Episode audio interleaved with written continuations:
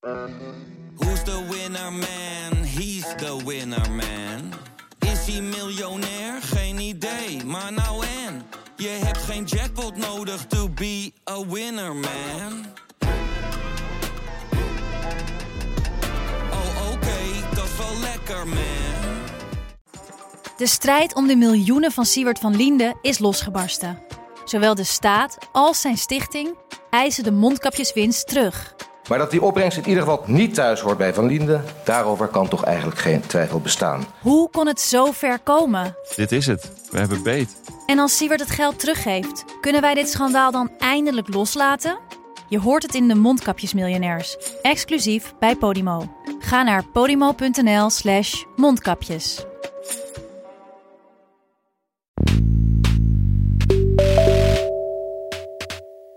We leven inmiddels in februari 2020, maar de brief van de week is een brief van 14 juni 2017. Geachte heer Cenk Willink, met vriendelijke groet, Siebrand Puma. Dit is Betrouwbare Bronnen met Jaap Jansen.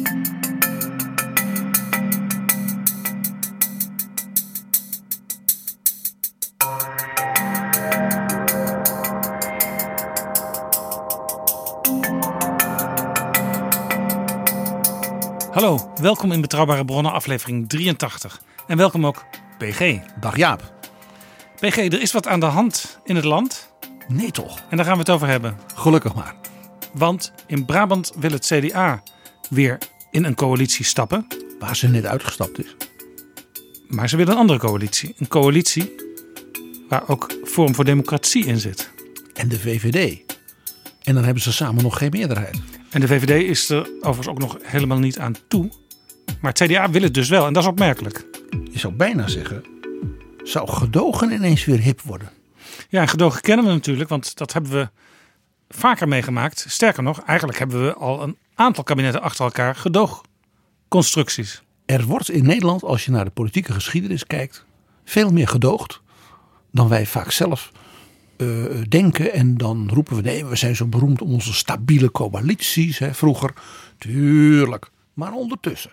Jaap Jansen en Pieter Gerrit Kroeger duiken in de politieke geschiedenis. Het is in Nederland een uitvinding, althans als we in de naoorlogsperiode kijken, uit PvdA-hoek. Ja, de allereerste, zeg maar, in de moderne parlementaire geschiedenis van Nederland gedoogsituatie eh, was begin jaren 70 met de totstandkoming van inderdaad het kabinet Den Uyl. En het was eh, de oer-P van de A informateur Jaap Burger. eh, beroemd om zijn eh, klassieke uitspraken en harde toon. die de, ja, de constructie bedacht dat zeg maar Den Uyl en zijn linkse bondgenoten dat die als het ware gedoogd zouden worden door de KVP en de ARP. Dus twee partijen die later in het CDA zijn opgegaan. Ja, en dat kwam voort uit het idee van de, wat toen werd genoemd de progressieve drie. Dat waren Partij van de Arbeid, D66 en PPR. Die hadden een gezamenlijk verkiezingsprogramma al voor de tweede keer. En die zeiden, Keerpunt 72. wij willen daar een meerderheid voor. Halen we geen meerderheid, wat toen in de praktijk bleek. Dan nodigen we andere partijen uit om mee te doen. Maar dan gaan we wel uit van dit verkiezingsprogramma. Ja, dus het idee was, die andere partijen mochten dan meedoen. Eh, uiteindelijk werden er ook ministers bereid gevonden om dat te doen. Maar die mochten dan als het ware hun eigen verkiezingsprogramma niet uitvoeren. Eh, het was geen wonder dat die kabinetsformatie dan ook een hoop gedoe en op en neer en heen en weer opleverde. En er uiteindelijk een vrij vaag eh, ja, soort construct uitkwamen. Waarbij dus de Katholieke Volkspartij en de Antirevolutionaire Partij dus wel ministers leverden. eh, en ook hun eigen programma inbrachten. Maar ja, het regeerakkoord was dan een soort half-half iets van dat keerpunt en die ministers. Ja, en, zelfs de ministers die zaten ook in een soort gedoogconstructie. Want die werden uitgezocht, moesten goedkeuring krijgen van links. Zo mo- moesten het bijvoorbeeld progressieve ministers worden. Zoals een Ruud Lubbers en zoals een Dries van Acht. Ja, want Dries van Acht werd de vicepremier eh, onder Den Uyl. En die werd toen als progressief beschouwd. Zeer, want het was een groot hervormer van, het, eh, van allerlei, eh, zeg maar, ouderwetse, meer repressieve wetten. En was, zoals hij zelf ooit zei, ik was in die jaren een jonge god van de Korenhertliga. Ja, en sommige van die mensen, zoals Van Acht, die kregen een beetje de kriebels tijdens die kabinetsperiode. Want die zagen collega's als Jan Pronk van de Partij van de Arbeid steeds met het, hun verkiezingsprogramma Keerpunt 72 uit zijn tasje halend eh, naar die ministerraad komend. Alsof dat een soort zakbijbeltje was, waar de rest zich eigenlijk maar bij moest neerleggen. Ja, en nog lastiger was dat de premier, eh, Joop den Uyl, daarin eigenlijk altijd moeite had in zijn rol. Aan de ene kant was hij natuurlijk bemiddelaar. Probeerde die mensen als Van Acht en zeker ook Lubbers eh, erbij te houden. Hij bedoelt het allemaal niet zo slecht, Jan Pronk en de andere linkse jongens. En laat ze nou. Maar als het in die eindeloze nachtelijke vergaderingen hè, dan om half vijf tot beslissing kwam. Dan ging Den Uyl toch met die andere kant mee. Dus uiteindelijk een echte consensusmaker zat niet zo in hem. Dus dat maakte de, de, de, de, ja, de, de, de ver- de verhoudingen ook in de persoonlijke sfeer, de vertrouwensrelatie, natuurlijk heel ingewikkeld. Ja, en Joop ten was ook degene aan tafel die het langste wakker bleef. Vandaar dat ze om vier, vijf uur s'nachts nog besluiten namen. En dan zei bijvoorbeeld minister Hans Gruiters, president, want hij noemde Den Uyl president. Mag ik het hoofd van mijn collega van mijn vloeiblad afhalen? Ja, precies. En we weten van Marnix Krop dat ook Wim Kok als eh, eh, vakbondsman en PvdA-man de manier waarop Den Uyl toen opereerde eigenlijk heel onverstandig vond en schadelijk voor de PvdA. Ja, en daar had, eh, daar had Wim Kok gelezen in het boek van Krop. Achteraf zeker ook gelijk in, want een tweede kabinet Den Uyl is er mede hierdoor niet gekomen. De sfeer, cultureel gesproken, ook was helemaal verziekt tussen die partijen. Tussen de Christen-Democraten aan de ene kant en de Partij van de Arbeid aan de andere kant. En dat had ermee te maken dat natuurlijk op dat moment, daarom vind ik dat onze tijd ook heel erg lijkt op die jaren zeventig van de vorige eeuw. Dat polarisatie als politieke strategie eh, eigenlijk per definitie succesvol werd geacht. Polariseren was goed. Want het scherpte de tegenstellingen aan en dus viel er wat te kiezen, werd er gezegd. Precies, dan kon je of links of rechts. En dat vage midden en met consensus en polderen, dan moest maar eens afgelopen wezen. Dan kon er stevig eh, worden doorgepakt. En als er dan 50,001 procent links was, dan moest er dus een volstrekt links beleid komen. Hè, Dat was het idee. Ja, en de tragiek, ook achteraf gesproken, van het kabinet is... ze hadden een heleboel eh, hervormingsvoorstellen. Nederland zou op de schop gaan, maar er is eigenlijk maar heel weinig echt van uitgevoerd. Van die hele grote hervormingen is uiteindelijk niet zo heel veel terechtgekomen. En waar het kabinet Den Uyl misschien nog wel het meest door de geschiedenis mee eens zal gaan, is het redden van de monarchie. Zo gaat de Wat helemaal niet in keerpunt 72 stond. Men wilde een republiek. En, en dat is de, de, dat, zoals de geschiedenis wel vaker. eh, Hè, Jaap, hoe vaak heb ik het niet al gezegd?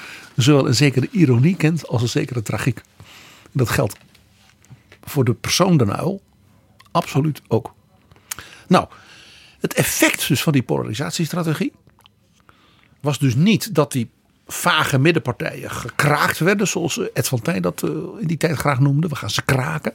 Maar dat ze eigenlijk bij elkaar gejaagd werden. Dus terwijl de ene confessionele partij, de CHU, zei wij gaan niet mee. Die gingen oppositie voeren tegen dat kabinet. En dus ook tegen de ministers. Als Van Acht, als Lubbers, als de oude Gaai, zoals hij werd genoemd, Guy Fortman. Ja, dat is een beetje vergeten in de eh, geschiedschrijving. Maar de CHU, later een van de drie partijen die het CDA vormden, was dus oppositiepartij tegen het kabinet waar die andere twee partijen in zaten die later het CDA meevormden. Het grappige was, dat vormen van het CDA deden ze tijdens dat kabinet Den Uyl. De federatie van die drie partijen, die zouden toegroeien naar één partij, de fusie zoals dat heette, dat, die werd opgericht tijdens het kabinet Den Uyl. En ook tijdens het kabinet Uyl besloten die drie partijen, hè, dus twee coalitiepartijen, nou ja, gedoogpartijen en één oppositiepartij, één Tweede Kamerlijst naar de verkiezingen te laten gaan voor het CDA. En daarbij was het helemaal niet zo dat Roelof Kruisinga, de leider van de CHU, onzichtbaar was in die periode. Die was vaak scherper nog dan de echte oppositieleider Hans Wiegel van de VVD. Eh, Joop den Uyl eh, eh, had vaak in debatten een soort bijna een soort grappen en glollen relatie met Hans Wiegel. Die daagden elkaar uit, ook, dat hielden alle twee daarvan. Maar bij Kruisinga werd Joop den Uyl altijd een beetje bits. En Kruisinga wist dat. Want Joop den Uyl vond hem eigenlijk een soort confessionele verrader van het progressieve gedachtegoed.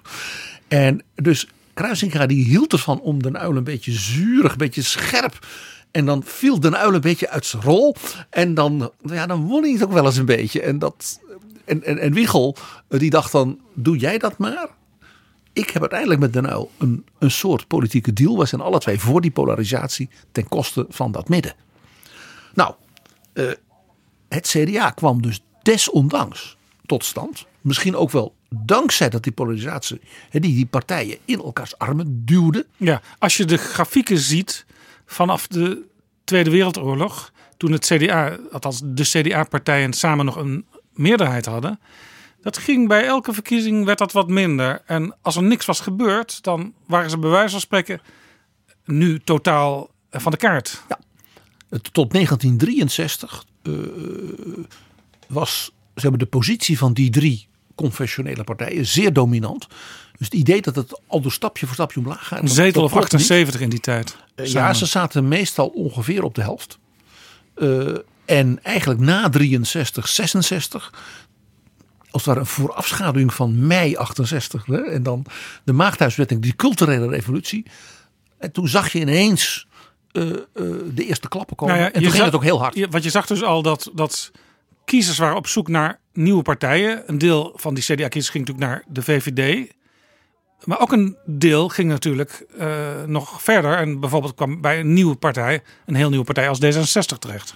En uit die, met name ook de katholieke hoek van het CDA, de zeg maar mensen die ook in de kerk veel modernisering wilden, mensen als Ruud Lubbers, eh, kwam ook zo'n partij als de PPR.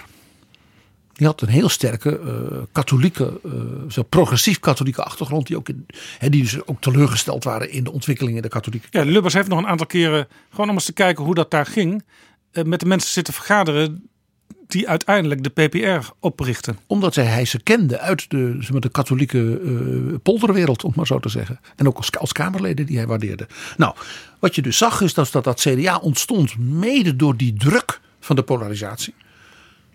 Je kon dus achteraf zeggen dat de polarisatie zichzelf de das omdeed. Omdat het dus dat midden als het ware weer bij elkaar bracht en uiteindelijk sterk maakte. Maar dat ging natuurlijk niet vanzelf. Eh, de, de druk was natuurlijk hoog op die partij. Eh, die verdeeldheid was natuurlijk toch zichtbaar geweest. Dus men zocht wel een soort gezamenlijk midden. Maar er was ook duidelijk verdeeldheid nog. Men, er waren mensen die zeiden dat het CDA mag er wel komen. Maar eh, de eerstkomende tien jaar geen fusie. Dus uitstel. Al die dingen gebeurden. Maar goed, het CDA, wat er dus kwam en wat uiteindelijk ook een succes werd, is dus eigenlijk te danken aan die gedoogperiode van het kabinet Den Uyl. En het feit dat men dus die onderlinge verdeeldheid, die dus ge- uitgebuit zou worden door de polariserende partijen op links en rechts, heeft overwonnen. En heeft gezegd, desondanks gaan wij op, op de principes samen, we gaan die nieuwe partij toch proberen te maken. En zelfs dus ook de verdeeldheid die er was, de zogenaamde loyalisten, eh, ook wel de dissidenten genoemd, eh, die bleef men erbij houden. En het is dus een klein wondertje dat, dat, die club uiteindelijk op die manier tot stand kwam. Conclusie dus voor die periode, de polarisatie heeft uiteindelijk niet gewerkt zoals links he- hem bedoelde. En heeft wel gewerkt voor het CDA zonder dat ze dat op dat moment beseften. Namelijk die partijen die werden in elkaars armen gedreven. En dat werd uiteindelijk een sterke partij. En heel interessant daarbij was dat de achterban van die partij eh, meer dan de partijtoppen en ook die loyalisten die dus ja, afwijkend af en toe stemden en dat die Ja, achterban loyalisten even voor de kijker thuis. Dat waren mensen die loyaal waren aan het regeren. Maar daar bedoelden ze eigenlijk het omgekeerde mee. Namelijk wij gaan zoveel mogelijk stangen. Wij gaan zoveel mogelijk spaken tussen de wielen steken. En daar had minister-president Van Acht en fractieleider Willem Aantjes en later fractieleider Ruud Lubbers, die hadden daar heel wat mee te stellen. Zeker, en daar speelden met name ook eh, in die periode natuurlijk de grote spanningen op het wereldtoneel. Eh, de kernbewapening en de dreiging dat ook in Nederland zeg maar, kruisraketten geplaatst zouden worden.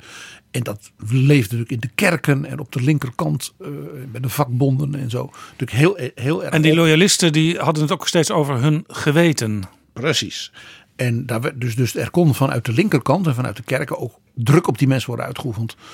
Uh, waarbij dan dus eh, Van Acht als een soort NATO-slaaf uh, werd, werd afgeschilderd en dergelijke. Het interessante was dus dat de partij Achterban in eigenlijk een veel genuanceerde houding had. Dan zowel die loyalisten als zeg maar, de wat vreesachtige, we moeten ze niet laten weglopen houding van die partijtop. Wat wel begrijpelijk was. Hè. Die partij was fragiel, die moest, moet worden opgebouwd. Die achterban die zei, kijk, die nieuwe partij, laten we daar vooral heel veel ruimte in geven voor het ontwikkelen van nieuwe ideeën. Want dat zal toch moeten, want we komen uit Dus heel... discussie, debat is goed. Want we komen uit heel drie, drie heel verschillende achtergronden, drie verschillende culturen. De ARP was toen ook al de oudste partij van het land. De KVP was natuurlijk een grote partij. De CDU had een heel eigen, heel gevarieerde, diverse onderlinge cultuur. En dat moest in één partij komen. Dus men bevorderde allemaal veel denkwerk. nou, jij had onlangs dat prachtige gesprek met Hans Borstlap. Die werkte toen bij het Wetenschappelijk Instituut van het nieuwe CDA. En was dus een van de belangrijke ideologische denkers van uh, bijvoorbeeld concepten als de verantwoordelijke samenleving. Hè, dus niet te veel staat en niet te veel markt. Hè, maar dus een nieuw type consensus. Ja, je kunt dus zeggen, want uh, de jonge luisteraars die kennen uiteraard Jan-Peter Balkenende. Dat Borstlap een van de voorgangers bij het wetenschappelijk instituut was van Jan-Peter Balkenende. Want die heeft er ook lange tijd gewerkt. Ja, dat zijn een soort leermeester. Uh, Arie Oostlander, uh, Jos van Gennep. Maar, maar, Hans Boslap was een van de, zeg maar, de groeibriljanten toen al in die tijd. En werd later dus ook, toen ook de, ja, de, de, dus de rechterhand van zowel Ruud Lubbers als Jan de Koning. Nou ja, dat zegt wel iets. Het interessante was, men, men wilde dus veel ruimte voor nieuwe ideeën en discussie. Maar wat ze dan in de achterban de scheurmakers noemden, dus die loyalisten, die werden allemaal ongeveer van de lijst afgevoerd toen er verkiezingen kwamen en dus de nieuwe lijsten moesten worden gemaakt. Men wilde dus wel saamhorigheid, maar hoe meer saamhorigheid, hoe meer ruimte je ook kunt geven. En dat was dus manier... de wens van de achterban van de leden. Ja. Die wilden dat gedoe niet meer. Nee. En die, die zagen dus dat dat gedoe die saamhorigheid eerder ondermijnde. Dan die, dat die meer ruimte gaf voor ideeën. Want men zat elkaar voortdurend te bloeren. Hele interessant. Dat is dus een les die eigenlijk voor middenpartijen, christendemocratische partijen, ja, consensusgerichte partijen hieruit getrokken kan worden uit die tijd. De kunst is dat, er, dat je de spanning tussen ruimte voor je vleugels, ja, voor mensen met nog een wat andere insteek, en de nadruk op saamhorigheid, dat je die in balans houdt. Ja, hier speelt iets wat, waar trouwens meer partijen last van hebben die de potentie hebben om ook af en toe regeringspartij te zijn. Um, de leden zijn vaak nog wat radicaler dan de kiezers. En de Partij van de Arbeid met name, die heeft er af en toe heel erg veel last van. En dat is ook een reden waarom bijvoorbeeld het kabinet Den Uyl 2 niet er is gekomen. Want de radicale activistische leden die hebben dat gedwarsboomd. En het interessante is dus in precies diezelfde jaren ja, speelde dus, dus deze poging van het CDA om die balans tussen uh, uh, uh, saamhorigheid en ruimte voor zeg maar, verschillende ideeën en ook ruimte op de flanken en de vleugels. Uh, om die balans goed te vinden in het maken ook nog van een nieuwe partij. Een, een waagstuk. En je ziet dus ook dat het leiderschap van zulke partijen, uh, als ze succesvol zijn. Hier geef ik ook een voorbeeld aan Mark Rutte, die je dat ook ziet doen. Die slaagde dan steeds in, zowel politiek behendig, dus ruimte te geven, mensen erbij te halen, en principieel te zijn. Ja. Alle twee tegelijk. Nou in is balans. Het, nou is het wel zo, moet ik toch een kritische kanttekening plaatsen, PG. Dat op een gegeven moment werd eh, het CDA toch ook wel door veel buitenstaanders gezien als een soort applausmachine voor de leider, hè, voor Lubbers uiteindelijk. En later van Balkenende. En bij de VVD speelt op dit moment iets vergelijkbaars. Want daar wordt wel geklaagd, zelfs door VVD'ers we kennen eigenlijk onze Kamerleden niet meer. Het is allemaal zo'n grijze massa en alles staat ten dienste van de leider Mark Rutte. Ja, Gerry van der List, die jij onlangs sprak over zijn boek over de VVD. Ja, die waarschuwde de VVD eigenlijk voor. Uh, pas nou op dat je niet als het CDA in 2010 zo'n rapport frissen moet schrijven. over dat zo'n partij losraakt van zeg maar zijn achterban en, en de samenleving die kritische kanttekening van jou, die, die, is, die, die klopt, maar dat is natuurlijk voor een fase veel later dan waar ik het nu over heb, namelijk de periode De zal ik maar opbouw. zeggen, 1978, 1981, 82. Dat kwam veel later. Maar dat waagstuk van dat bij elkaar komen van die verschillende tradities en daarbij dus en ruimte en saamhorigheid in balans zien te vinden, dat is dus een belangrijke les. Je moet dus, moet dus voorkomen dat er wordt gezegd van elkaar meugen ze niet en met elkaar deugen ze niet. Ja, dat is eh, zo mooi geformuleerd. eh, En dat klinkt ook heel Brabants. Het interessante is, we hebben dus in onze politieke geschiedenis nadien weer een paar van zulke fasen gehad. Zoals ik al zei, we, we zeggen in Nederland graag, we hebben die stabiele eh, coalities. Daar zijn we befaamd om. Tegelijkertijd, het gedogen komt dus, dat zag je dus nu al, veel meer voor dan wij vaak zelf ons herinneren. De 2000 koffieshop is niet de enige plek waar gedoogd wordt. Eh, eh, precies. En wie had dat ook alweer bedacht als minister van Justitie? Dries van Acht. Zo zie je maar. Het zit in het DNA. Nou, eh, in 2001, 2002 had je natuurlijk een, had je grote instabiliteit en verandering in de Nederlandse politiek. Het CDA won volkomen onverwacht. Laten we het er niet omheen draaien. Niemand had dat kunnen voorspellen. De verkiezingen onder leiding van de volkomen onbekende nummer drie van de lijst hè, van vier jaar daarvoor. De financiële specialist Jan-Peter Balkenende. Ja, we zijn dus inmiddels een kwart eeuw na die gedoogperiode met de Partij van de Arbeid. Hè? Ja. We zijn weer een heel eind verder. Ja. Balkenende 2002. Fortuin kwam op, maar het CDA werd Wint. de grootste. wint de verkiezing en overtuigend. Hè? Flink boven de 40 zetels. Niemand had dat voor mogelijk gehouden. Ik zou bijna zeggen, zelfs Balkenende zelf niet. Nee, want die was een verdwaalde professor. Niemand kende hem een paar jaar eerder. En min of meer toevallig was hij de leider van een ruziemakend CDA geworden. Grappig genoeg, dus een partij die ook nog intern zo verdeeld was. Hè? We hadden het er eerder over dat, dat natuurlijk... dat juist die balans tussen ruimte voor elkaar en saamhorigheid. Nou, die was volkomen zoek eh, in de periode zeg maar, tussen 1999 en 2001. De partijvoorzitter eh, die ging de, de lijsttrekker proberen af te zetten. Ik bedoel, maar het partijbestuur dat uit elkaar viel. En da- toen kwam dus die nummer drie van de lijst Balkenende uit het niets. Van, als een soort compromiskandidaat. Dus niemand gaf nog, nog een, een, dubbeltje voor dat CDA. Ja, en ik herinner me nog goed dat er was dus een van het CDA geweest. Eh Balkenende was aangewezen.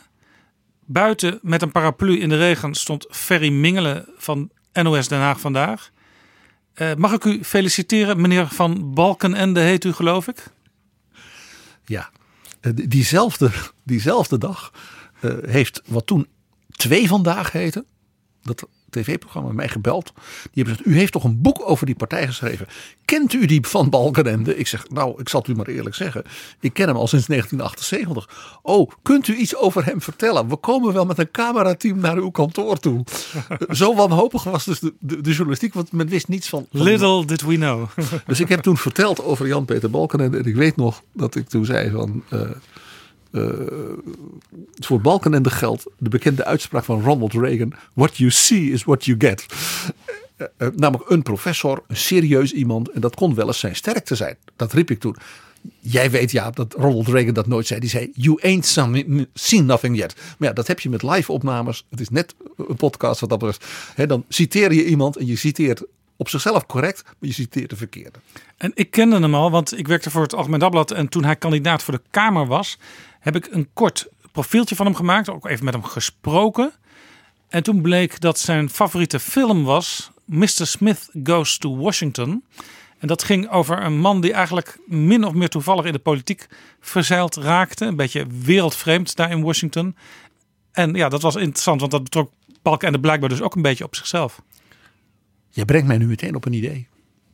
Waarvan ik dus hoop dat onze luisteraars dat ook leuk vinden. Klassieke Hollywoodfilms over de politiek. En zeg maar hun geschiedenis. Mr. Smith Goes to Washington is misschien wel de glansrol van een van de grote Hollywood acteurs. Jimmy Stewart.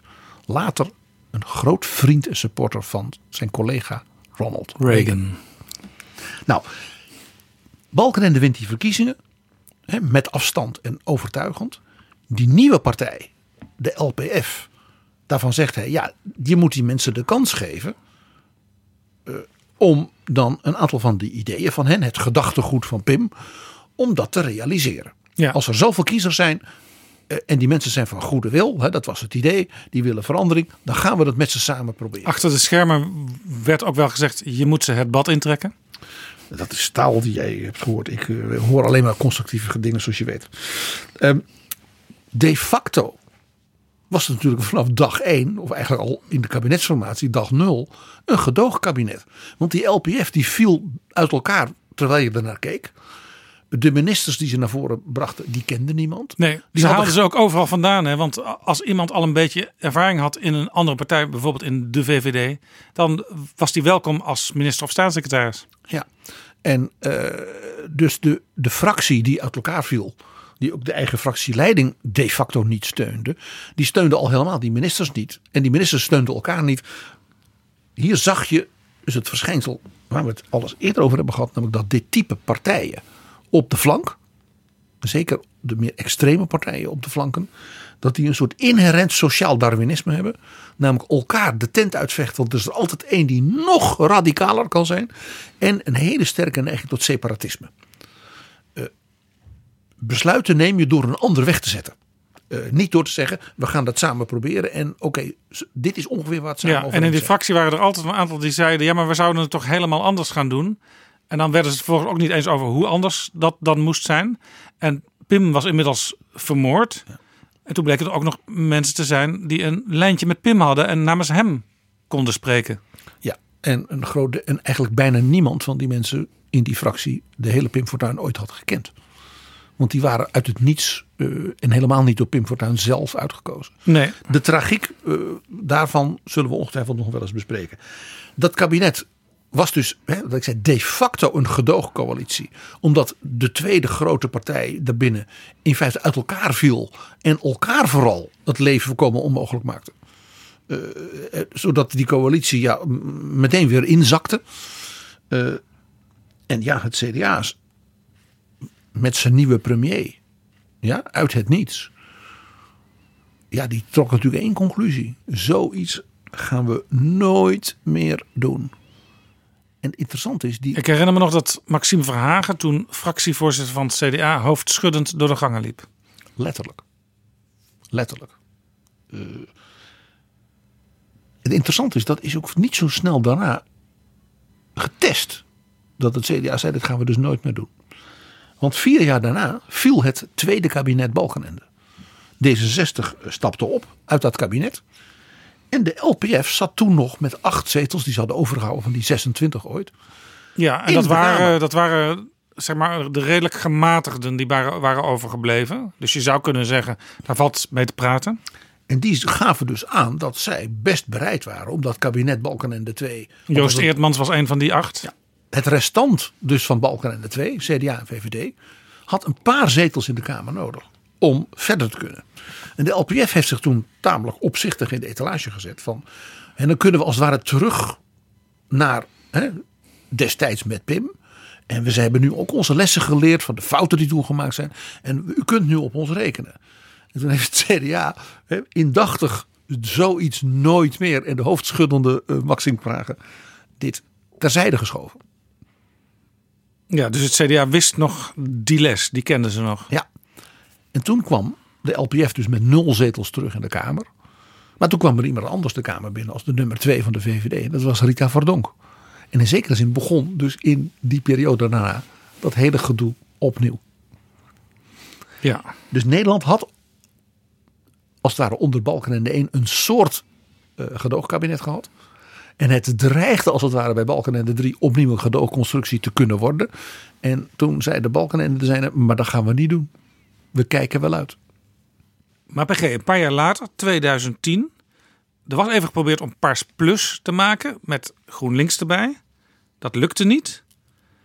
En toen kregen we toch weer een soort van gedoogconstructie, maar toen met de PVV van Geert Wilders. Ja, want in 2010 hè, was de val van Balkenende.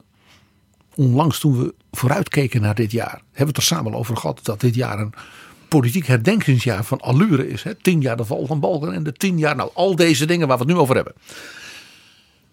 Rutte kreeg het niet voor elkaar, zeg maar middenlinks. En ja, moest toen naar het CDA. Dat verschrikkelijk had verloren. En had, en had zoiets van, ja, wij zijn nu voorlopig even eh, niet aan de beurt. Nee. Hè? Overigens, Rutte die dacht natuurlijk ook aan zijn achterban. En die wist dat een constructie met GroenLinks niet echt goed zou vallen. Uiteindelijk had hij het ook over een kabinet van een kabinet waar rechts zijn vingers bij kan aflikken. Toen ze eenmaal gepraat hadden met het CDA met vooral de PVV ook erbij. Dat hebben die vingers geweten, zeg ik dan. Kijk, het CDA was dus op dat moment in een merkwaardig genoeg uiterst comfortabele positie.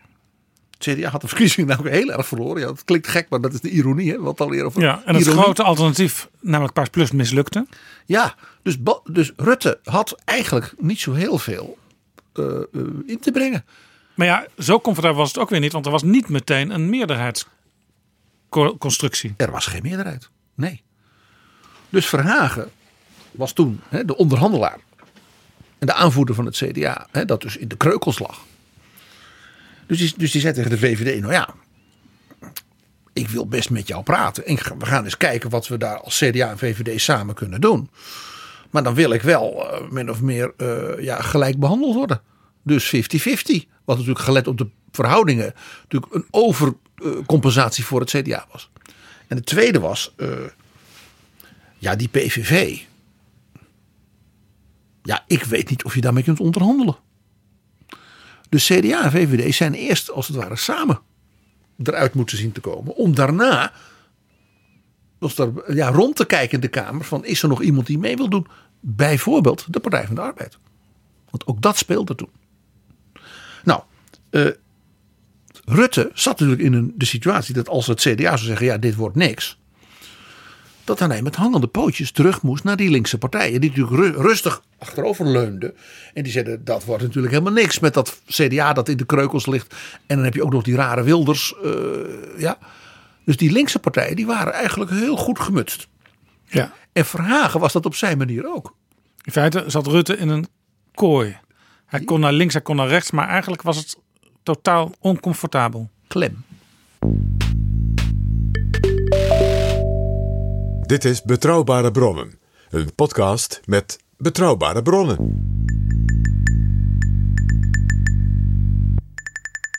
Nou, uiteindelijk wordt dus de constructie gekozen. We doen een regeerakkoord VVD-CDA. En daarnaast komt er een soort tweede set afspraken.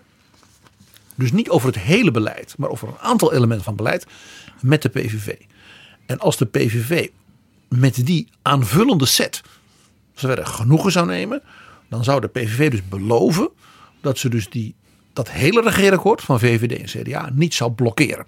Dus als er een motie van wantrouwen van, hè, van PvdA-leider Job Cohen zou komen, dan zou de PVV tegen die motie stemmen, hoewel ze dus niet dat regeerakkoord eigenlijk als van zichzelf Ja, zag. en dat betekende heel veel invloed van de PVV op immigratie- en integratiebeleid. Eh, ze spraken af dat de PVV niks te maken had met het buitenlands beleid, maar in de praktijk moest de minister van Buitenlandse Zaken best wel vaak op bezoek bij Geert Wilders. Het was toch vooral eh, een aantal hobbyachtige dingen. Animal cops, eh, integratie, asielbeleid en dergelijke. Nou ja, voor de PVV dus geen hobbybeleid, want dat is min of meer waar ze voor opgericht zijn. Daarom dus ook een set aanvullende afspraken. Dat leek politiek behendig. Van CDA en VVD hebben een akkoord. En er is nog een andere partij die op een aantal punten nog wat aanvullende, een soort side letter heeft. Ja? Ze leveren ook geen ministers, die PVV. En ze zullen het kabinet. Die hadden ze ook niet, dus dat, dat, dat probleem was op die manier makkelijk opgelost. Wilders wilde dat natuurlijk ook niet. Hij- Die Wilders had natuurlijk gezien wat er bij de LPF gebeurd Ja, was. Wilders kon niet het vertrouwen geven aan individuele mensen om daar in die treinverzaal te gaan zitten. Want dan had hij, de greep, had hij er geen greep meer op. het punt waar we het eerder op, al op wezen, het sociaal darwinisme en separatisme, dat inherent is aan dit soort partijen. Elkaar altijd weg zien te werken als vorm van vooruitgang. Ja, stel dat nu eh, de, het Vorm voor Democratie had meegeregeerd in het huidige kabinet. Ja, dan, dan zat Henk Ook- Otte dus als minister in het kabinet. En Thierry Baudet in de Kamer. En ja, we weten hoe het tussen die twee inmiddels is afgelopen. En die mevrouw Rookmaker was vast uh, staatssecretaris van EZ geweest.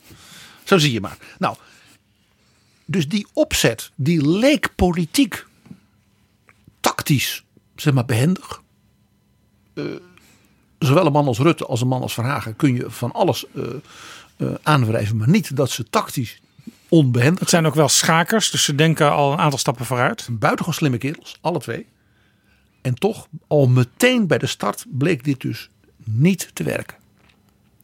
Het CDA was diep verdeeld hierover. De bedoeling was natuurlijk geweest, ja, door het CDA zeg over te compenseren in dat kabinet in het regeerakkoord. Dat CDA ja, met applaus dat regeerakkoord zou om, omarmen. Ik bedoel, na zo'n zware nederlaag dat je de helft van de ministers mag leveren. Hoe bestaat het? Ja? Nou, het werkte volstrekt niet. Want dat regeerakkoord en al die mooie afspraken die daarin waren gemaakt. Die trokken volstrekt niet de aandacht. En hadden ook niet het zeg maar, positivistische effect. Vanwege dat gedoogakkoord. En ja, sterker nog, dat ging de hele wereld over. Alle Nederlandse ambassadeurs die moesten op hun posten uitleggen in de gastlanden wat er in Nederland aan de hand was. En dat toch niet echt de hel was losgebroken en dat het zo vaart allemaal niet zou lopen. En ook bijvoorbeeld in de Europese christendemocratie waren er heel wat mensen, zoals uh, mevrouw Merkel, uh, die, die zich wild schrokken. Om het maar even zo te zeggen. Dus ook in Brussel en in Straatsburg, zal ik zeggen, en in de Europese uh, vergaderzalen van de, de Europese Volkspartij, de EVP.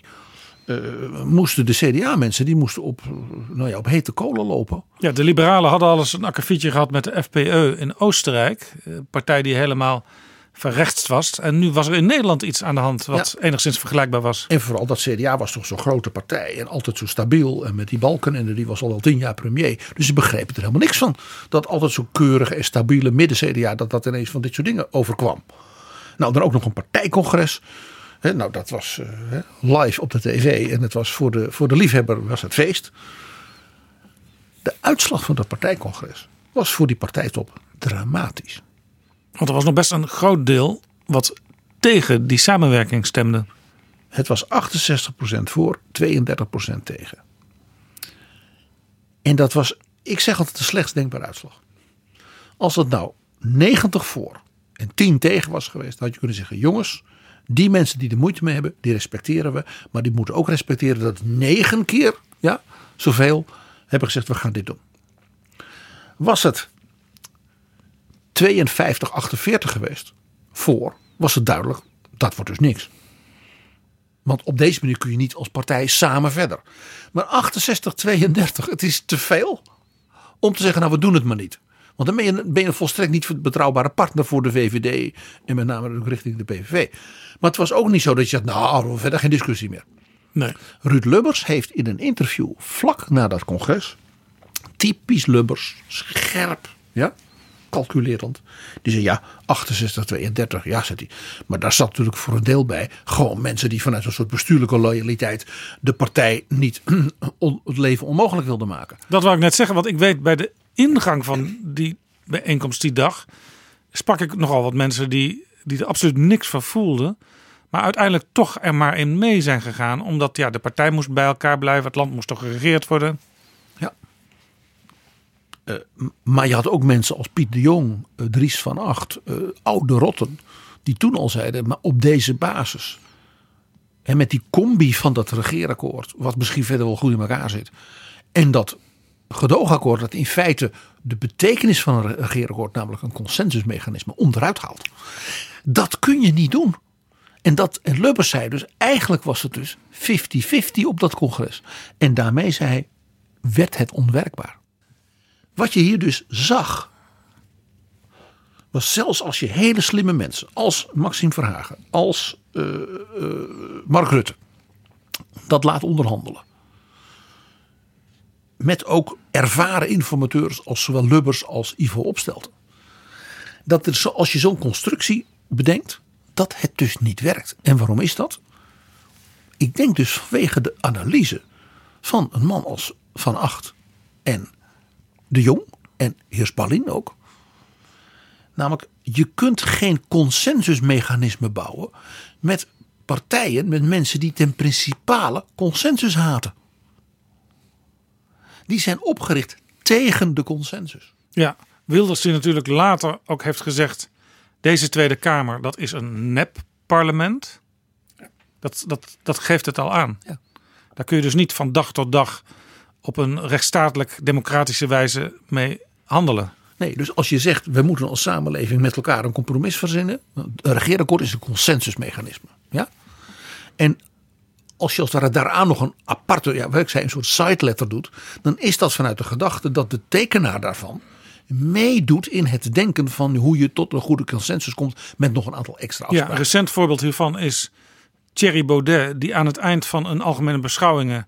voor het eerst de zaal binnenkomt en zegt... ik heb niet aan deze beschouwingen mee willen doen...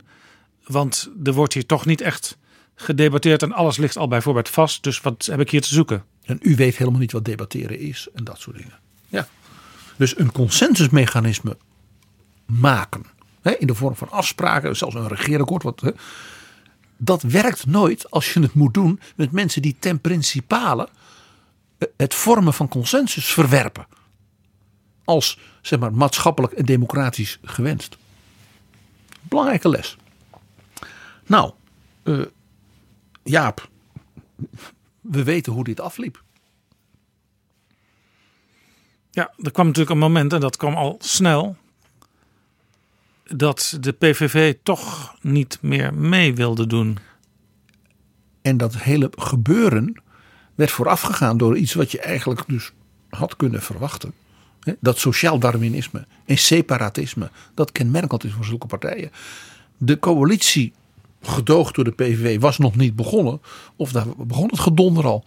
De ene PVV'er die bleek mensen op het plein eh, in elkaar geslagen te hebben. De ander bleek... eh, Hè, er waren bepaalde mensen die mochten het woord maar niet meer voeren vanwege dingen die ze hadden geroepen. Eh, het dreigde mensen zich af te scheiden. Ja. Een aantal deed dat even later ook. En wat was dus het effect? Het gedoogakkoord, wat bedoeld was om ervoor te zorgen dat dus de PVV voldoende stemmen zou leveren. Om dat kabinet Rutte Verhagen als het ware overeind te houden. Ja, op een enigszins draaglijke manier zouden ze worden ingesnoerd, waardoor er toch geregeerd kon worden. Maar ze konden die meerderheid helemaal niet meer leveren. En daarmee ontviel in politiek materiële zin, zoals dat heet, eigenlijk de bestaansgrond van dat gedoogakkoord. Dat wist natuurlijk Wilders als geen ander, want Wilders is een buitengewoon ervaren eh. En toen kwam er een moment dat er eh, in het kabinet, in de coalitie gesproken werd over extra bezuinigen. En toen trok Wilders de stekker eruit onder het mom van ik ga niet buigen voor een eis uit Brussel. Ja, want wat er natuurlijk speelde was de eurocrisis, de Griekse crisis, hè, 2011, eh, 2010, 2011. En Rutte, ja, die ging in Europa natuurlijk aan de slag. En won toen als vrij snel ook het vertrouwen van bijvoorbeeld mevrouw Merkel. Omdat Rutte zei, die PVV, die telt als het gaat om Europa en die grote lijnen gewoon niet mee. Nee. Er is in de Tweede Kamer een alternatieve meerderheid van VVD, CDA, met steun van ook de Partij van de Arbeid, van Cohen, ook D66 en soms zelfs ook GroenLinks. In het, in het belang van Europese Ja, samenwerking allemaal Europa-gezinde partijen. en het redden van de euro. En dus die PVV, ja, die laat ik dan terzijde. Dat maakt natuurlijk de, het gedoe binnen die PVV alleen maar erger. We doen er dus de facto, als het erom gaat, niet meer toe. Eigenlijk was dus de grond aan dat gedoogakkoord al bijna ontvallen toen dat kabinet een tijdje was begonnen. Ja, je zou wel eens over deze periode, ik denk niet dat ze er zijn, maar je zou wel eens de dagboeken van Geert Wilders willen lezen. Wat ging er nou door hem heen door voor deze constructie te kiezen in 2010? Ik denk dat Wilders heeft gedacht dat hij de greep op zijn partij zou houden. En kenmerkend voor zulke partijen is dat dat per definitie niet kan. Net als wat ik noem dat sociaal darwinisme. Nou, dat zag je ook met natuurlijk als eh, ultieme voorbeeld. Dat de PVV ook in de provincies dus fracties kreeg. En Wilders daar gewoon, dat kon hij gewoon niet handelen vanuit Den Haag. Met als hoogtepunt natuurlijk zijn eigen Limburg. Waar de PVV in het college zat. En waar ja, de zaak onderling op de meest onwaarschijnlijke manier ontplofte. eh, de, de commissaris eh, van de koningin. eh, Ja, want de- de- de- werd beschuldigd dat hij lekte over de PVV naar de pers. Ja, en de twee gedeputeerden die toch een wat meer gematigde koers voeren dan vanuit Wilders gedachte wenselijk was. Dus daar zag je ook dat sociaal darwinisme weer. Er is altijd weer een radicalere variant. Achteraf bleek dat de chef van PVV Limburg, die ook de woordvoerder van Wilders in de Tweede Kamer was, tonnen verduisterd had om zijn verslaving te kunnen betalen. Cocaïne. Nou ja, dat- geeft iets aan dat dus volstrekte zeg maar, deconfiture van die groep, want de partij is het niet. Eh, en ja, dat leidde ertoe dat hij, eh, dat Wilders dus onder het mom van ja, Brussel dwingt ons tot bezuinigen. En wij zijn anti-Brussel en dus ga ik die bezuinigingen niet doen. En dus had hij een soort vlucht naar voren. In de hoop dat hij op die manier die greep op zijn eigen partij kon herstellen. Het CDA werd dus geconfronteerd met het feit dat de analyse op dat partijcongres door bijvoorbeeld Van Acht, Heersballin, De Jong. Op een schrille wijze was uitgekomen. Ja. Je kunt per definitie niet ja, constructieve consensuspolitiek bedrijven als je je laat steunen door mensen die per definitie daarvoor zijn opgericht om dat kapot te maken. Ja, dus duidelijke conclusie, dat nooit weer. Dat nooit weer. En daar kwam nog iets bij. Men zag natuurlijk bij de kiezersbewegingen hè, in 2012 natuurlijk de effecten. De kiezer in Nederland van het midden, en dat is toch 80%, had zoiets, ja, het CDA dat heeft dan wel weer geregeerd. Hè, ondanks eh, de grote nederlaag na de jaren van Balkenende. Maar ja, dan komt er zo'n rare constructie. En dan is die partij daar onderling verdeeld over. Dus de kiezer die meestal vrij recht toe recht aan redeneert. En dus niet alle dagen alle finesses van Den Haag volgt zoals jij en ik dat zo leuk vinden. Die had zoiets ja, maar wil je een vaste hand in dit land?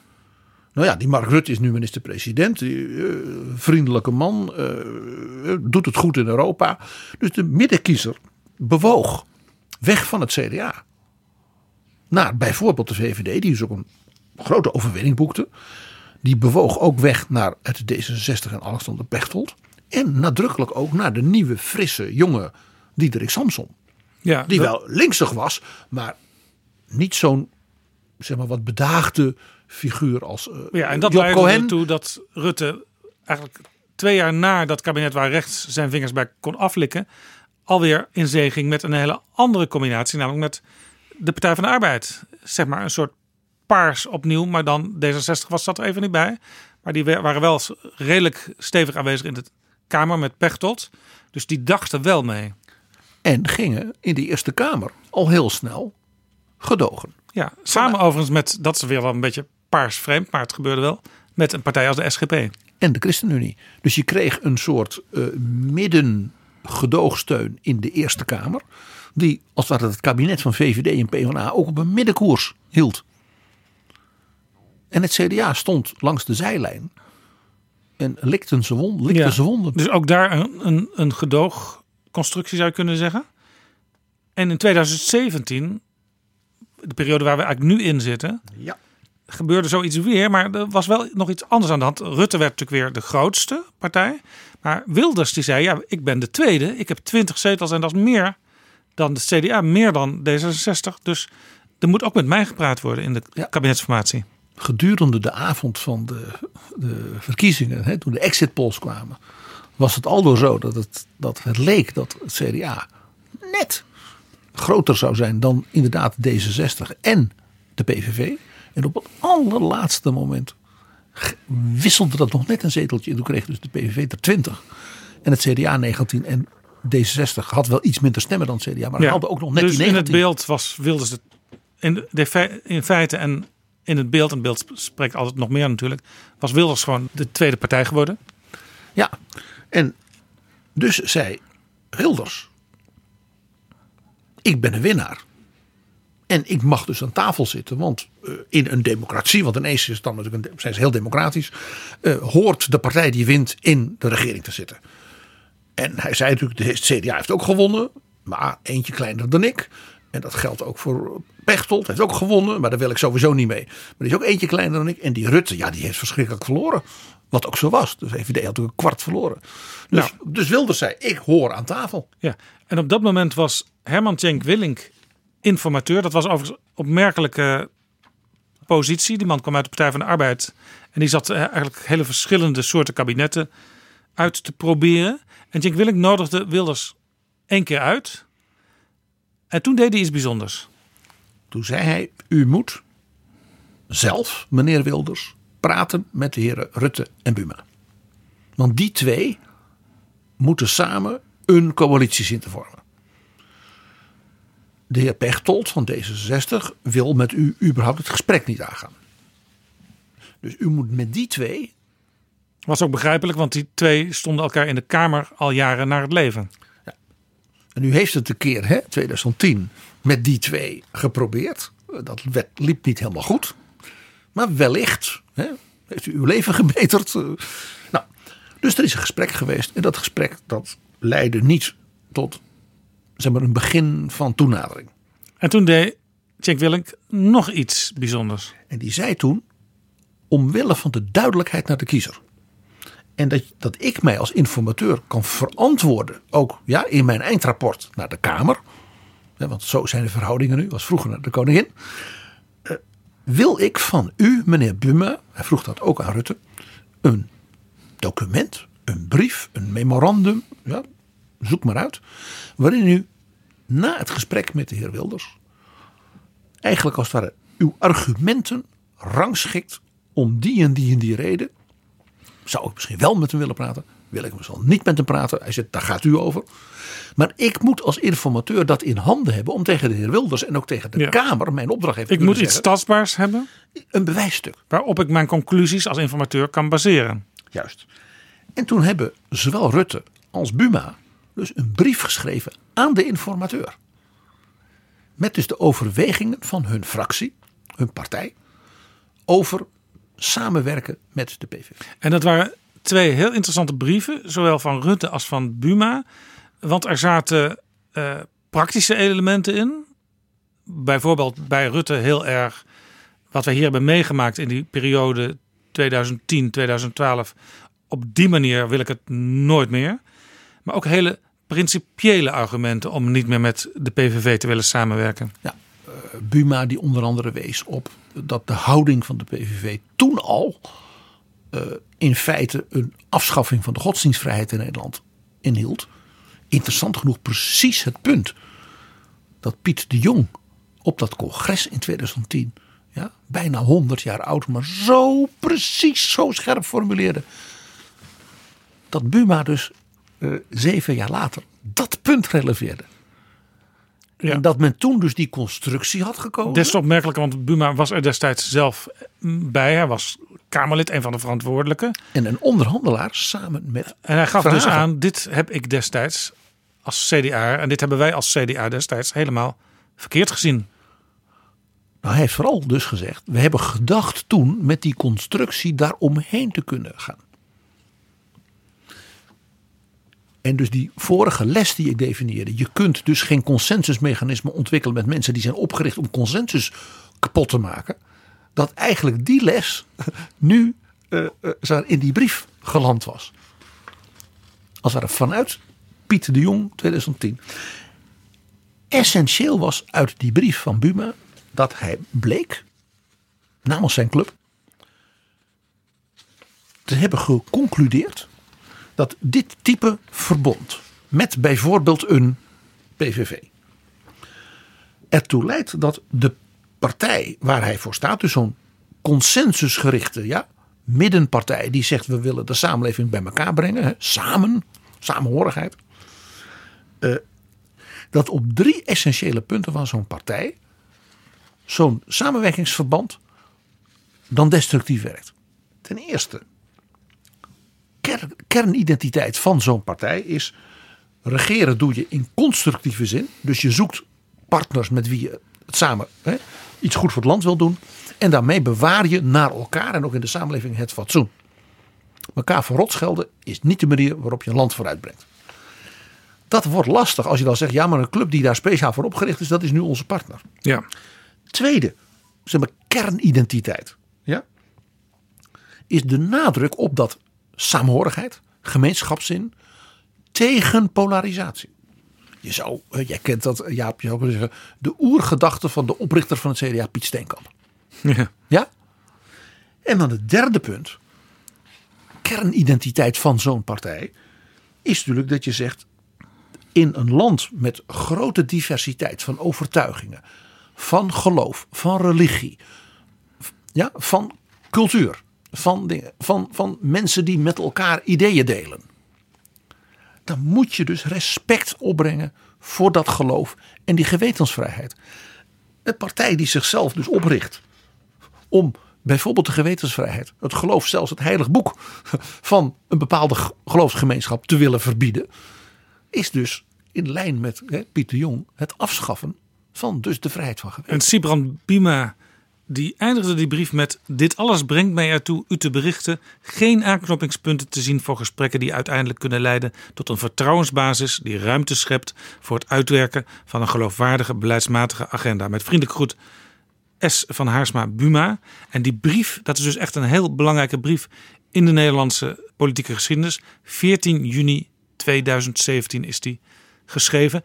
En inhoudelijk, als je hem goed naleest, geldt die eigenlijk nog steeds. Want die, die, die voorwaarden om eventueel wel met zo'n partij te kunnen praten, in geen velden of wegen uh, is daaraan voldaan inmiddels.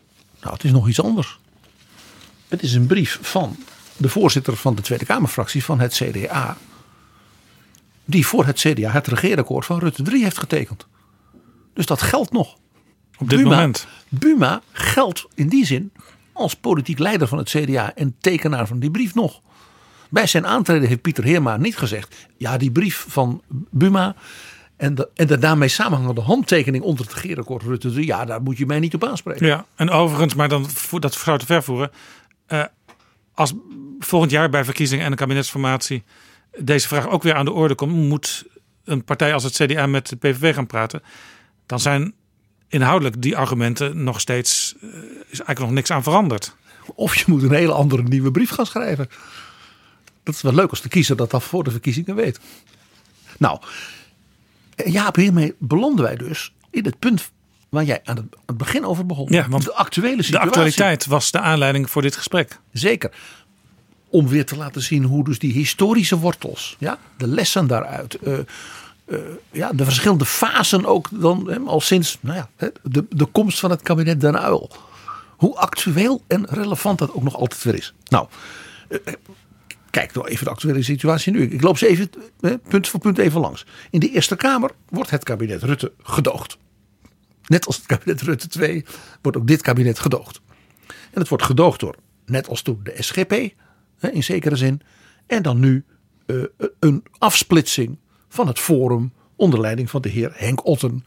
Ooit de sterke man in die partij. Ja, die onlangs al in het torentje op bezoek mocht zijn bij de minister-president. Ja, want de minister-president houdt van comfort geven en kopjes koffie drinken. Dus ook naar de heer Otten. In Limburg, bijna nog interessanter, als, dat al, als dat al mogelijk is, hebben we een soort herhaling van Rutte, Rutte 1. Ja, en weer een hele nieuwe gedoogvariant. Want de mensen die daar in het college zitten. Er zit zelfs een mevrouw die uit GroenLinks afkomstig is in. Maar die is nu om die reden uit de partij gerooieerd deze week. Die mensen die zitten daar allemaal. Ze zijn van een partij, maar ze zitten er niet namens hun partij. Ja, het is een beetje, ik kan het niet helemaal volgen. Ze zitten voor Maar dat is zichzelf. wel de uitleg. Ze zitten er voor zichzelf, maar hebben een soort regeerakkoord van de partijen meegekregen om dat dan uit te voeren. Ja, en, en het opmerkelijke dus, de PVV, waar het CDA in Limburg dus al zoveel gedoe mee had in een eerdere fase, die zit daar dus weer gewoon bij. En nu ook iemand namens het Forum voor Democratie. Ja. En eh, hetgeen overigens dus niet verhindert dat net als dus in die periode Rutte 1, in die provincies, die fracties van de PVV, die daar enorme klappen hebben gehad, maar ook nu de fracties van dat Forum, dat dat weer net zo'n, mag zeggen, bende is als toen bij de PVV. Want inherent in dit type partij is dat sociaal darwinisme en dus die neiging tot separatisme onderling. Nou ja, ik geef het je ook te doen. Hè? Een partij die eh, eh, heel kort geleden nog niet eens bestond. En daar dan ineens met een fractie en met afgevaardigden aan het bestuur deelneemt. Ja, maar het is een zaak van de kiezer. Daar ga ik verder niks van zeggen. En de verantwoordelijkheid ook van die partij. Want een andere partij, de SP, die zegt wel eens... wij doen nog niet mee in de- dit dorp of deze stad... want wij zijn nog niet sterk genoeg hier. Ja, dat kan ook. Dat kan. Nou, in Brabant zien we lijkt zich nog, nog meer drama. Daar zie je een soort middelpuntvliedende krachten. Eh, de indruk die ik heb is dat het CDA in Brabant een beetje de greep op zijn eigen omstandigheden. Ja, daar is het CDA onlangs uit het college van gedeputeerden gestapt. Uit weerzin eigenlijk tegen het landelijke beleid eh, rond de stikstof en de boeren. Ja, dus de provincie voert uit wat nationaal hè, is afgesproken. Ja, het beleid is ook mede van het CDA landelijk. Ja, en de CDA-gedeputeerden in Brabant. Die wilden daar loyaal, zoals het hoort. Hè. Dus de provincie heeft daar een taak. Maar daarover kregen ze ruzie met hun eigen achterban. Eh, er zijn ook allerlei intimidatietoestanden geweest. Allemaal heel vervelend. Vanuit, eh, ik zal maar zeggen, de act- activistische boeren. Ja, ja, want in Brabant zitten in het CDA natuurlijk veel boeren in de ledenachterban. Ongetwijfeld, maar nog veel meer andere mensen. En eh, dus daardoor is die partij is een beetje de greep kwijt. Dus men is uit het college gegaan, maar wilde nu toch weer in. Eh, alleen dat college wat ze, waar ze over zitten te bedenken, dat vindt geen meerderheid. Eh, de VVD aarzelt daarover. Eh, en onvolstrekt onhelder is in Brabant wat dat forum nu eigenlijk wil. Want die fractie schijnt dus, daar schijn je nooit iets van te horen. Zij horen er ook nooit iets van. Dus ja, samen gaan met een fractie waar je niks van weet. Nou ja, kortom, eh, waar beginnen ze aan? Denk ik dan. En eigenlijk Ja. zeg ik dan. Nou ja, nou ja en, en mij schiet ook nog te binnen. eh, de commissaris des Konings daar is Wim van der Donk. Dat is een, een, een grote denker. Hij is ook voorzitter van de Wetenschappelijke Raad voor het Regeringsbeleid geweest. Hij heeft nu heel lang daar al als commissaris gediend. Heeft zijn vertrek aangekondigd. Hè. Over een maand of acht is hij weg. Ehm, en zo iemand zou ik dan denken, die kan toch ook invloed uitoefenen eh, op zijn eigen partij. Van wees nou eens wat stabieler en wat evenwichtiger in je handelen. Maar misschien, juist omdat hij zijn vertrek al heeft aangekondigd, heeft hij wat minder gezag. Maar je zou ook nog kunnen denken, dat is dan misschien een beetje stout, PG. Het CDA wil misschien ook wel weer terug in het college. Omdat er natuurlijk straks een nieuwe commissaris moet worden aangewezen. En ja, dan wil je er natuurlijk wel eh forse invloed op hebben om te bevorderen dat dat, als het even kan, weer een CDA is. Zeker als je dan in een soort vertrouwelijke sideletter bij het bestuursakkoord dan opneemt dat eh, een kandidaat van het CDA een soort voorkeurspositie zou hebben. Zulke dingen zouden zomaar eens kunnen. Maar dit is zo machiavellistisch, eh ja. Ja, dat, dat kan niet, hè? Nee, dat zulke dingen gebeuren toch niet. Maar niet aan denken. Nee. Nee. Nou, mijn tip natuurlijk aan hen, die kun je al raden. Lees die brief van Buma nog eens. Ten slotte was dat de politiek leider van het CDA, die bij het maken van die coalitie, hè, dat namens het CDA formuleerde waarom het niet kon en kan met dat soort partijen als de PVV.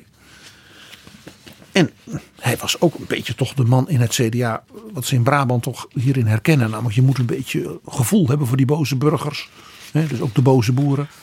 En toch zegt juist Buma, eh, niet doen. Nee, Buma is dus door schade en schande wijs geworden. En als je die brief goed leest, dan zou het CDA in Brabant de conclusie kunnen trekken. Wij hebben geen behoefte aan nog meer schade en schande voor de partij. Of een herhalingsoefening van het soort ellende wat dus nu al een paar keer is gebeurd. Met de PVV, nu met FVD erbij. En met de daaruit te trekken lessen. Eh, Ik loop even voor de luisteraar, en zeker die in Brabant, eh, langs wat nou de kernpunten waren voor Buma. Dus dit is echt de, de opvatting van, van Buma en zijn CDA-fractie. Waarom dat dus met die PVV echt niet kon. Ja. Het eerste was, zodra er echt politieke keuzes gemaakt moeten worden, loopt dit type partij weg.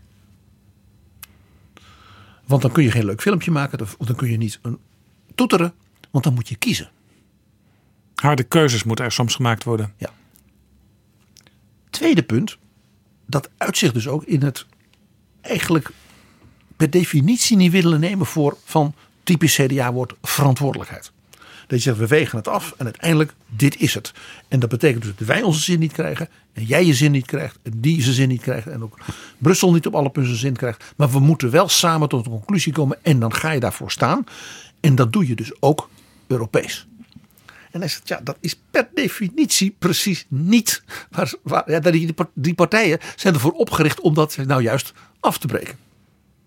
Een belangrijke les die, die dus uit dat stuk blijkt. Mission Impossible. Derde punt. Dit type partij is intrinsiek labiel. Uh, er is voortdurende neiging tot schisma's. Wat ik noem het separatisme, het intern separatisme. En door de constructie, het type partijorganisatie, ook eigenlijk altijd antidemocratisch en in zekere zin ook antiparlementair. En ja, dan kun je dus vanwege dus die geesteshouding, zou je kunnen zeggen, dus nooit tot zeg maar parlementaire, democratische, stabiele afspraken komen. dat punt van je kunt met een anti-consensusgroep geen consensusmechanisme ontwikkelen. Dat Nee. zit haar dus ook weer in. En dat is werkelijk een van de meest opmerkelijke aspecten in dat stuk, in die brief van Buma. Is dat hij zegt er is een soort ongeremde, voortdurende radicalisering. Die als het ware, eh, het lijkt, ik zal maar het beeld gebruiken, een fietser moet altijd trappen om overeind te blijven. Ja. En dat dat dus een beeld is dat je als Zo'n partij moet altijd blijven radicaliseren. ja, omdat je intern voortdurend moet blijven claimen dat jij de enige bent die zo ver durft te gaan. Dus je moet voortdurend verder te ver gaan. En dat, eh, eh, dat is heel interessant. Ik lees heel even voor die formulering. In de afgelopen vijf jaar heeft Uit de brief van Buma. ja, in de afgelopen vijf jaar heeft de PVV niets gedaan om een begin van herstel van het vertrouwen te rechtvaardigen. Niet naar de samenleving en ook niet naar het CDA. De beleidsvoorstellen van de PVV worden steeds radicaler. De PVV-leider is in zijn optredens en uitingen alleen maar grover geworden. De- men moet zichzelf voortdurend overschreeuwen. En daardoor is men dus per definitie, ja, dus vanuit zijn ja, zelfkennis, eh, zijn raison d'être, beter gezegd, dus anti het harmoniemodel. Wat dus kenmerkend is voor de christendemocratische filosofie. Eigenlijk intrinsiek niet tot samenwerken in staat. Niet in, de, in die klassieke, zeg maar, consensusgerichte, ik zal maar zeggen, polderende manier van een samenleving van alleen maar minderheden. Ja. Dus niet, ook zelfs niet tot een verstandshuwelijk in staat. die analyse van Buma in zijn brief van 14 juni 2017. Als je die natuurlijk legt naar de naast de ontwikkelingen in het Forum. Sinds diezelfde verkiezingen. Dan is het bijna een soort, eh, soort blauwdruk, zou je kunnen zeggen. Van hoe zich dus de zaak binnen het Forum heeft ontwikkeld. Ja, ik had natuurlijk eerder dit seizoen in de allereerste aflevering na de zomer een gesprek met Hugo de Jonge, de vicepremier van het CDA. En die werd eh, deze week nog geciteerd uit die betrouwbare bronnen in de Volkskrant. Hij maakte toen al duidelijk dat hij eigenlijk niets moest hebben van eventuele samenwerking met eh, Baudet in de toekomst. Hij zei eigenlijk, ik zie het niet gebeuren. Zijn fantasie was te, was te gering, om maar zo te zeggen. De Rusland-flirt en de flirt met fout rechts maken het wel erg moeilijk om in één kabinet samen te werken, zei de jongen toen in betrouwbare bronnen. Ik zie het gewoon niet gebeuren. De kans is sindsdien alleen maar verder geslonken. Zo valt volgens de Volkskrant te horen bij het CDA. Dat is dus heel interessant. Dus je, herkent ook dus die passage van de Buma-brief van men radicaliseert omdat men wel moet. Dat zit gewoon in het overlevingsmechaniek van een dergelijke partij. Nou, loop ze maar even langs. Eh, de, de punten van, kan maar zeggen, uit, uit de Buma-brief. Eh, het anti-parlementaire en anti-Europese samenwerking is natuurlijk ja, een soort wezenskenmerk van het Forum. Hè, men is dan voor een exit Ja. of bijna voor en of weer heel erg voor. werkt wel samen in Europa, maar alleen met partijen die niet met anderen willen samenwerken. Ja. En roept dus dat het geweldig is dat er nu een brexit is een voorbeeld en dat soort dingen. Nou, jij, je wees al ook op een vrij sterk antiparlementaire toon. Ook eh, tegenover andere partijen die daarom ook gedenigreerd worden. Nou, het punt wat de jongen noemt, ik zal maar zeggen, Poetin, Assad, Salvini, eh, ja, eh, Le Pen. eh, dat, dat zijn toch niet zeg de, de, de, de, de, de, de vrienden waarmee je als het ware politiek ook filosofisch, maar ook in de praktijk gaat, gaat werken, zodat je komt tot goede afspraken en samenwerking internationaal. Integendeel. Ja, het labiele karakter, het op alle fronten voortdurend eh, opduiken van separatisme. Ja, eh, zeggen, de voorbeelden zijn natuurlijk vanuit het Forum inmiddels legio. Ja, Eh, en dan natuurlijk dat die voortdurende radicalisering. eh, het Trumpiaansachtige fake news verspreiden. Ook eh, via Twitter. Ook sommige ja, die obsessies met complotten. eh, klimaat eh, is één groot complot. Soros zit overal achter. Eh, de financieel-economische dingen die dan ineens duizend miljard en zelfs kosten. meester Theo Hiddema, zijn fractiegenoot, heeft het inmiddels gehad met het gedrag van Baudet als Twitterfabriek, zoals Hiddema dat noemt. Nou ja, dat zegt iets. Dus, dus die brief van Buma van juni 2017. Als je die, legt naast de Die was huidige, concluderend, maar ook profetisch in zekere zin. Ja, als je die legt naast de huidige situatie, toen met de PVV, nu met eventueel eh, toch eens kijken met het Forum, dan kun je niet anders concluderen dan dat wat Buma toen formuleerde en wat dus nog volstrekt geldig is voor het CDA, ook niets aan relevantie heeft verloren. En dit is dus eigenlijk ook jouw advies, eh, noem het een vermaning aan de CDA'ers en ook aan de VVD'ers in Brabant. Ja, ik ben niet degene die adviezen moet geven. Laat staan vermaningen. Maar ik heb heel wat argumenten gehoord de afgelopen vijf kwartier. Nou, ik herinner eh, mensen eraan dat eh, bijvoorbeeld de partijleider van die partij een buitengewoon eh, concieze en scherpe analyse heeft gegeven waarom bepaalde vormen van samenwerking intrinsiek niet kunnen. En dat is wel interessant om dat te noteren. En nog een ander punt, dat was een, een, les die we uit eerdere situaties trokken. Eh, Als je keek naar de geschiedenis. Dat partijen die als ware hun achterban hebben in constructief denkende burgers. Die zeggen we moeten er samen uitkomen. Dat die, die juist die kiezers als het ware wegjagen. Als ze samenwerkingsvormen zoeken die als het ware ten principale anti-samenwerking, anti-samenhorigheid, anti-consensus zijn. Dat zag je dus bijvoorbeeld dus in 2012. Hè, toen ging de CDA-achterban, die dacht, ja, ja dat, is nou, dat, dat experiment hebben nou gebeurd. Ja, dat is dus niks. Nou ja, dan, en toen gingen ze maar bijvoorbeeld eh, in grote getalen Mark Rutte stemmen. Dus ook, ook electoraal is het maar de vraag of het nou erg slim is om zo te redeneren. We leven inmiddels in februari 2020, maar de brief van de week is een brief van 14 juni 2017. Geachte heer Cenk Willink, met vriendelijke groet, Sibrand Puma. Hetgeen nog weer een keer onderstreept dat politieke historie en ook dus de lange lopende trends en lijnen en lessen daaruit. We begonnen bij Kruisinga en Jaap Burger in 1972, 73. En het is volstrekt relevant, actueel en eh, leerzaam. Dankjewel, PG.